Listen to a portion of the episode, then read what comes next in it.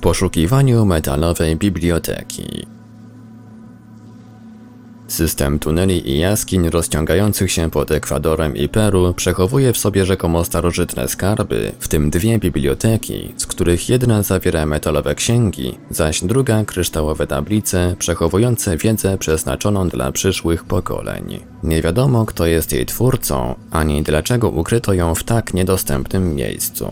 Mimo to znaleźli się ludzie, którzy dzięki przychylności miejscowych Indian strzegących dostępu do podziemnej struktury mieli szansę ujrzeć ów cud na własne oczy. W oparciu o ich relacje na poszukiwanie metalowej biblioteki i jej tajemnic wyruszyło wiele osób, jednak, jak zwykle, na drodze ku jednemu z potencjalnie największych odkryć współczesności stanęło wiele przeszkód. Stara prawda mówi, że nie liczy się to, co się umie, ale kogo się zna. W 1973 roku Erich von Däniken, będący u szczytu popularności po wydaniu Rydwanów Bogów, ogłosił, że dotarł do gigantycznego podziemnego systemu tuneli rozciągającego się pod Ekwadorem, który, jak mu powiedziano, ciągnie się dalej, ogarniając cały kontynent. Miał być to jasny dowód na to, że przodkowie współczesnych ludzi byli nie tylko wysoce zaawansowani technicznie, ale być może pochodzili nawet z innej planety. Wewnątrz tej ogromnej struktury,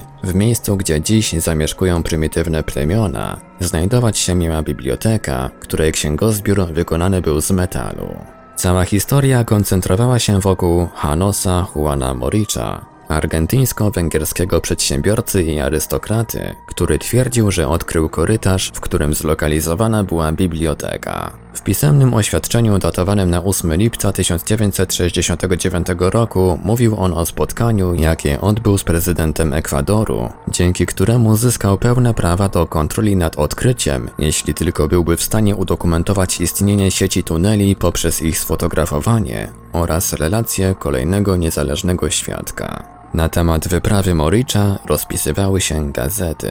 W 1972 roku Moricz spotkał się z von Deinikenem, pokazując mu sekretne wejście, przez które mógł on dostać się do dużej sali stanowiącej część kompleksu. Prawdopodobnie Deiniken nigdy nie zobaczył biblioteki na własne oczy, przebywając jedynie w korytarzach. Opis tego zawarł w swojej książce pod tytułem Złoto Bogów. Cytat. Były one czasem węższe, czasem szersze. Ściany były tak gładkie, że wydawało się jakby były polerowane. Ich stropy były płaskie i czasami zdawało się, że pokrywa je pewnego rodzaju okładzina. Moje wątpliwości związane z istnieniem podziemnych tuneli zniknęły jak gdyby za dotknięciem magicznej różdżki i jednocześnie poczułem się niezwykle szczęśliwy. Moricz rzekł, że korytarze, przez które przechodziliśmy, rozciągają się na setki mil pod terytorium Ekwadoru i Peru.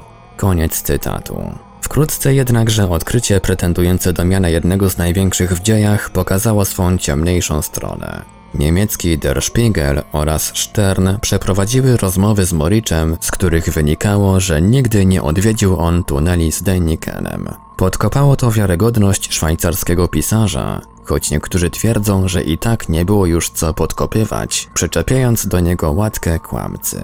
Dla wielu był to kolejny dowód na to, że Dejniken był zręcznym mistyfikatorem.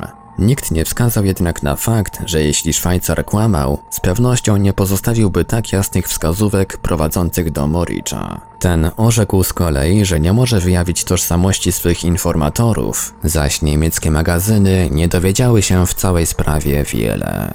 Mimo to wydawało się, że coś nie tak jest raczej z Moriczem, który tak destrukcyjnie wpłynął na Dejnikena i od którego piętna nigdy nie udało mu się uwolnić. W całej historii znajduje się wiele dziwacznych aspektów. Po pierwsze, Moricz zaprzeczał, aby odwiedził tajemnicze tunele z Deinikenem, choć nie miał żadnych wątpliwości co do ich istnienia. 19 marca 1973 roku Der Spiegel opublikował rozmowę z Moriczem, w której padły następujące słowa. Der Spiegel. W jaki sposób odkrył pan bibliotekę? Moricz. Ktoś mnie tam zaprowadził. Der Spiegel. Kim więc był przewodnik? Moricz. Nie mogę powiedzieć. Na koniec Moricz wyznał, że biblioteki strzec miało jedno z plemion.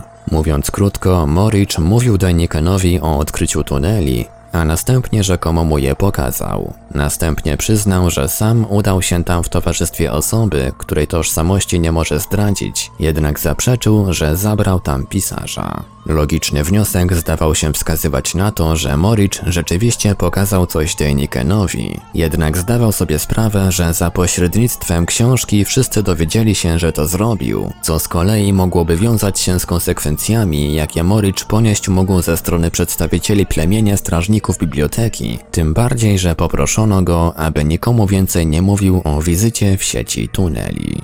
Do 1979 roku wiele rzeczy uległo zmianie, ponieważ Dejniken boleśnie odczuł skutki spotkania z Moriczem, raczej nikt nie zamierzał iść w jego ślady. Okazało się jednak inaczej. Na arenę wydarzeń wkroczył Neil Armstrong, pierwszy człowiek na Księżycu, który chciał zmienić status quo, jaki zapanował w sprawie metalowej biblioteki. Stanley Hall, przeczytawszy książki Dainikena, próbował zaprzyjaźnić się z Morichem. Gdy mu się to udało, ten potwierdził mu, że rzeczywiście spotkał się ze Szwajcarem w 1972 roku i zabrał go do Guayaquilquenga, gdzie spotkali się z ojcem Carlosem Crespim, właścicielem kolekcji enigmatycznych przedmiotów. Ponieważ możliwości czasowe Dejnikena były ograniczone, zamiast prawdziwej lokalizacji pokazano mu jedynie niewielką jaskinię w odległości pół godziny drogi od miejscowości, która to miała być połączona z siecią tuneli. Sprawa ta rzuciła trochę światła na kontrowersje na linii Morich-Dejniken, jednak niewiele powiedziała o głównym celu poszukiwań, metalowej bibliotece. Gdzie mogła się ona znajdować? Ekspedycja Moricza w 1969 roku zapuściła się do Cueva de los Tallos, która według niego miała być jaskinią prowadzącą do metalowej biblioteki. Jednakże wówczas nie znaleziono jej.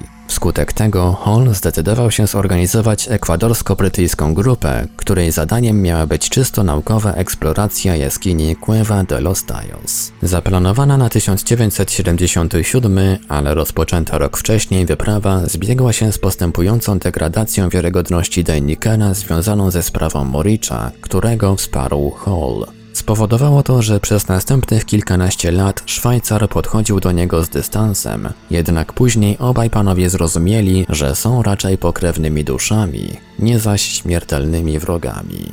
Hall chciał osadzić całą sprawę w pewnych ramach. Jeśli metalowa biblioteka rzeczywiście istniała, pierwszym krokiem było wykonanie mapy tego miejsca. Był to główny i jedyny cel tej ekspedycji, porzucającej nadzieję na odnalezienie skarbu. W trwającą trzy tygodnie wyprawę do jaskini Hall włożył całą swoją wiedzę. Brytyjsko-ekwadorskie przedsięwzięcie wsparte zostało przez grupę geologów, botaników, jak i specjalistów z innych dziedzin. Jednak co dalej z Nilem Armstrongiem? Jak to ujął Stan Hall, ekspedycji potrzeba było honorowego członka. Początkowo wysunięto kandydaturę księcia Karola, który właśnie zyskał tytuł naukowy z archeologii. Jednakże potem pojawiła się idea zaangażowania w sprawę Armstronga, który w odpowiedzi na zaproszenie napisał, że jest bardziej niż chętny do udziału w wyprawie. Ekspedycja stanie się wydarzeniem wpływającym na całe jego dalsze życie. 3 sierpnia 1976 roku w systemie korytarzy znalazł się Neil Armstrong. Metalowej biblioteki nie udało się odnaleźć, ale nawet ojciec Crespi oficjalnie jej nie poszukiwał. Jeśli jednak doszłoby do tego, Wydarzenie to zmieniłoby nasze poglądy na temat historii i pochodzenia człowieka, zaś Armstrong wykonałby drugi z ważnych dla ludzkości kroków. Ekipie udało się skatalogować 400 nowych gatunków roślin, jak też odkryć we wnętrzu jaskini komorę grobową, w której ciało spoczywało w pozycji klęczącej. Komorę datowano na rok 1500 przed naszą erą, uznając ponadto, że w czasie przesilenia letniego słońce oświecało grobowiec. Tak też historia, która miała poszukiwać dowodów na teorię o starożytnych astronautach, dotknęła astronauty, ale całkiem ziemskiego i współczesnego. Wszystko kręciło się wokół osoby Juana Moricha, jednak to nie on powinien znajdować się w epicentrum. Od 1969 do 1991 roku, kiedy zmarł, nie udało mu się odnaleźć metalowej biblioteki. Jednak to, że Morich nie był pierwszym człowiekiem, który mówił o niej, jest jasne, a ponadto wynika z uwag Deinikena. W wywiadzie Der Spiegela z 1973 roku Moricz potwierdził, że nieznana bliżej osoba pokazała mu jaskinię. O kogo chodziło? Po śmierci Moricza Hall zdecydował się na odnalezienie owej trzeciej osoby, która zawieruszyła się gdzieś w mroku dziejów. Oprócz imienia i nazwiska, Petronio Jaramillo, Hall nie posiadał żadnych informacji. W 1991 roku umarł Moricz. Mówi Hall. Miałem imię i książkę telefoniczną, ale w samym Quito było strasznie wielu Haramilów. Ostatecznie udało mi się trafić na jego ślad, a właściwie jego matki. Był wrzesień 1991 roku, kiedy przekazała mi ona numer telefonu do swojego syna. Zadzwoniłem. Powiedział mi, że nasze ścieżki zeszły się dopiero po 16 latach. Pragnął się ze mną spotkać i powiedział, że potrzebuje na to trzech dni. Jaramillo potwierdził, że po przybyciu Moricza do Guayaquil w 1964 roku spotkał się on z doktorem Gerardo Peno Mateusem, któremu opowiedział swą teorię dotyczącą roli ludu węgierskiego w budowaniu niemalże każdej cywilizacji. Dzięki wsparciu znajomych Andresa Fernandez Salvador Zaldumbida oraz Alfredo Mebiusa, Moricz spotkał się z Jaramillem i od tej pory jego historia była już z nim związana. Hall bezskutecznie próbował przez inne osoby skontaktować się z nim już od 1975 roku, jednakże możliwe stało się to dopiero po śmierci Moricza. Obaj panowie doszli wkrótce do wniosku, że to Moricz skupił uwagę poszukiwaczy na Cueva de los Tallos, która nie była jednak miejscem, z którego dotrzeć można było do metalowej biblioteki. Z drugiej jednak strony, gdyby nie on, nikt nie usłyszałby o tej historii. Z kolei największym marzeniem Hola było, aby móc cofnąć się w czasie i znaleźć się przy jednym stole z Moriczem i Haramillo. Kiedy Hall pokazał Moriczowi manuskrypt opisujący ich wyprawę z 1976 roku, ten szczerze oświadczył, że nigdy już tam nie wróci. Tak zakończyła się ich przyjaźń, ale dopiero po 1991 roku Moricz zrozumiał, że w manuskrypcie pada nazwisko Haramillo. To właśnie tego nazwiska Moricz nie chciał ujawniać i potwierdził to w wywiadzie z 1973 roku. Był on jednocześnie niezwykle uparty i lojalny, jednakże w kwestii dokonania odkrycia stulecia, a nawet odkrycia wszechczasów, był z pewnością nieodpowiednim człowiekiem na nieodpowiednim stanowisku. Haramillo i Hall zaprzyjaźnili się Jednakże obaj byli zgodni co do tego, że Hall nie tak szybko pozna miejsce, gdzie ukryta jest metalowa biblioteka. Mimo to znacznie chętniej mówił o jej zawartości oraz innych szczegółach, o których chciał wiedzieć Hall. Od Haramilla dowiedział się on zatem prawdziwej historii biblioteki Stajos, która nie była związana zupełnie z jaskinią o podobnej nazwie, Cueva de los Tallos. Jaramillo mówił, że bibliotekę odwiedził w 1946 roku, gdy miał 17 lat. Pokazał mu ją jego wuj, nazywany Blanquito Pelado i którego prawdziwe personalia nie są znane. Był on najwyraźniej w bardzo dobrych stosunkach z miejscową populacją szuarów, którzy wyjawili mu swój sekret w zamian za dobro i uprzejmość, jaką wykazał w ich kierunku. Jaramillo odwiedził potem system tuneli jeszcze co najmniej raz. Przy tej okazji widział bibliotekę składającą się z tysięcy wielkich metalowych ksiąg ustawionych na półkach, z których każda ważyła co najmniej 20 kg. Każda strona zawierała na sobie ideogramy, wzory geometryczne oraz inskrypcje. Była też druga biblioteka składająca się z mniejszych, gładkich i przeźroczystych, najprawdopodobniej kryształowych tabliczek. Znajdowały się tam ponadto pokryte złotem figury zwierząt i ludzi, niektóre osadzone na masywnych cokołach, ponadto metalowe sztaby o różnych kształtach, jak i zapieczętowane drzwi, najprawdopodobniej grobowce, pokryte szeregiem drogocennych kamieni. Był tam również rzekomo znacznych rozmiarów sarkofag wykuty z przeźroczystego materiału, w którym spoczywało pozłacane ciało wysokiego człowieka. Mówiąc krótko, jedno z południowoamerykańskich plemion strzec miało tajemnicy skarbu, który ukryto chcąc zachować go dla potomnych w oczekiwaniu na nadchodzący kataklizm.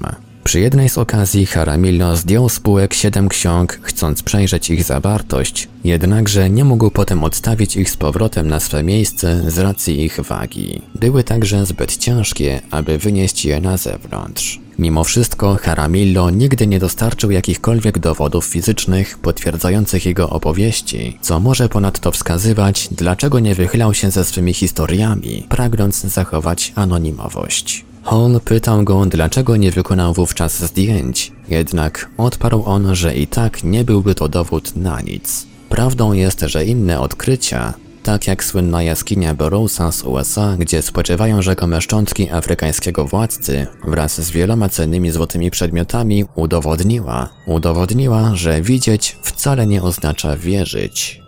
Haramillo twierdził jednak, że w jednej z ksiąg ukrytych w metalowej bibliotece zostawił swe inicjały, co w przypadku jej odkrycia mogłoby zweryfikować jego historię. Jaramillo i Hall połączyli swe siły chcąc sprawdzić, czy metalowa biblioteka może ujrzeć światło dzienne. Jeden z nich znał bowiem miejsce, gdzie się ona znajduje, zaś drugi miał doświadczenie w organizowaniu podobnych ekspedycji. Na samym początku skontaktowali się oni z wieloma ambasadorami i innymi przedstawicielami świata polityki, potem zaś nauki. Plan zakładał, że Jaramillo wskaże im odpowiedni teren, gdzie przez 3 lub 4 miesiące w czasie pory suchej prowadzić będą badania, zaś po odkryciu biblioteki skatalogują zawartość, sprawdzając ponadto, czy nic nie zostało zrabowane. Wszystko miało pozostać na swoim miejscu, zaś skutkiem wyprawy miał być jedynie raport z dalszymi zaleceniami. W 1995 roku pojawiły się jednak pierwsze przeszkody, wraz z tym jak peruwiańskie samoloty zbombardowały ekwadorską bazę wojskową.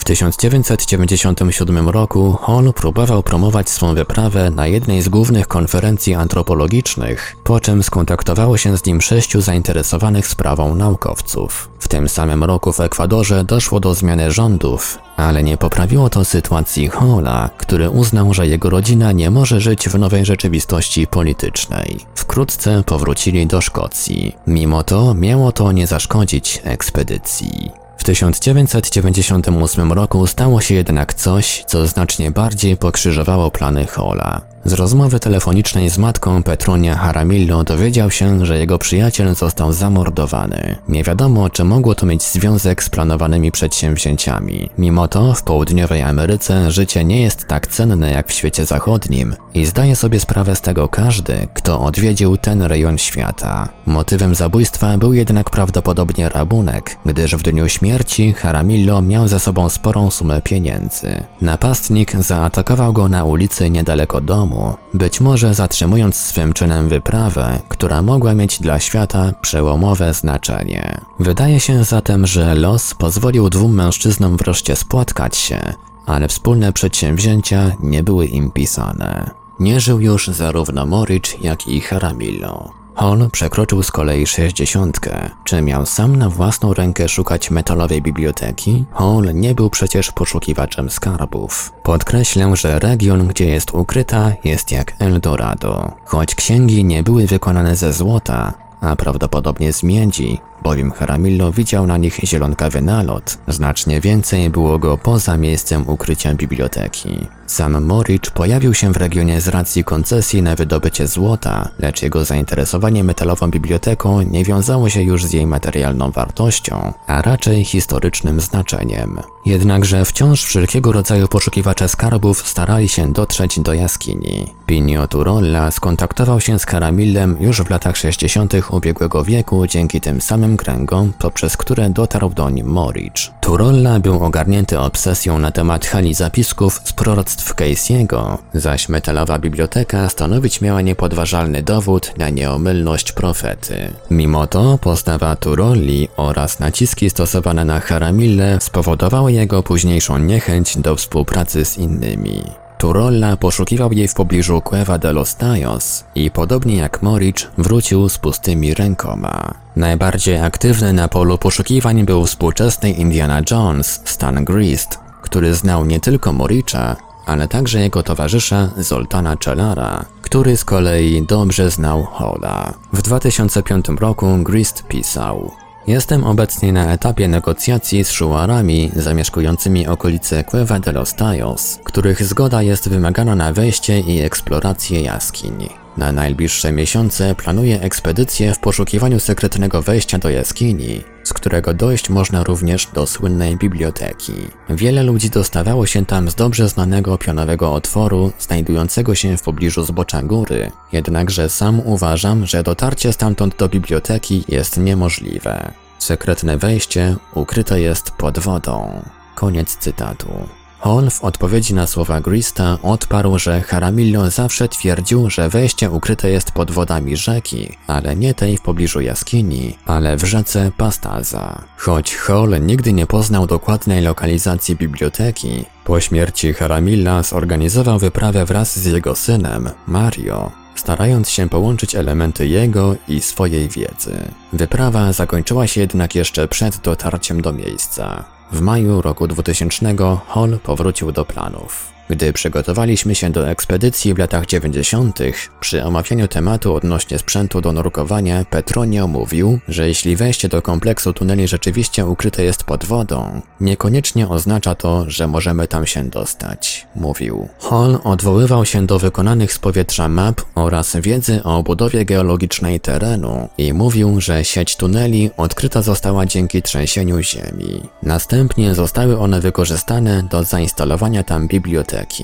Co stało się potem? Hall miał 64 lata, kiedy po raz ostatni zawitał w region, gdzie miała leżeć biblioteka. Gdy miał 68 lat, doszedł do wniosku, że prawdopodobnie nigdy nie zobaczy ostatecznego rozwiązania całej sprawy. Mimo wszystko nie uznawał wszystkiego za swój własny dorobek i nie chciał popełniać tych samych błędów co Moricz. 17 stycznia 2005 roku poinformował on ekwadorski rząd o miejscu, które odpowiada opisom Haramilla odnośnie lokalizacji biblioteki, wyrażając nadzieję, że pewnego dnia wyruszy tam kolejna ekspedycja. Mimo wszystko dokładna wiedza co do lokalizacji niekoniecznie oznacza, że odnalezienie biblioteki będzie łatwe. Hall uznał, że sama zmiana stylu i podejścia ludzi do współpracy zająć może całe dziesięciolecia. Twierdził, że ekspedycja z 1976 roku doszła do skutku jedynie dzięki temu, że u władzy znajdowała się wówczas wojskowa junta, a demokratyczny rząd nie dopuści do zorganizowania jakiejkolwiek ekspedycji. Najważniejszym czynnikiem jest zatem współpraca i otwartość. Zbyt wiele osób próbowało użyć biblioteki jako dowodu na wsparcie swych własnych teorii, w których przebijali się kosmici, podbijający świat Węgrzy czy Edgar Casey i jego komnata zapisków. Być może dlatego wszystkie misje spalały na panewce.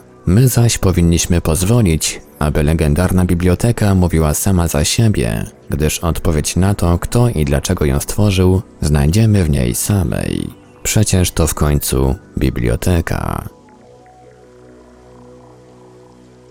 Autor Filip Kopens www.filipkopens.com Tłumaczenie i opracowanie portal infra www.infra.org.pl Czytał Ivelios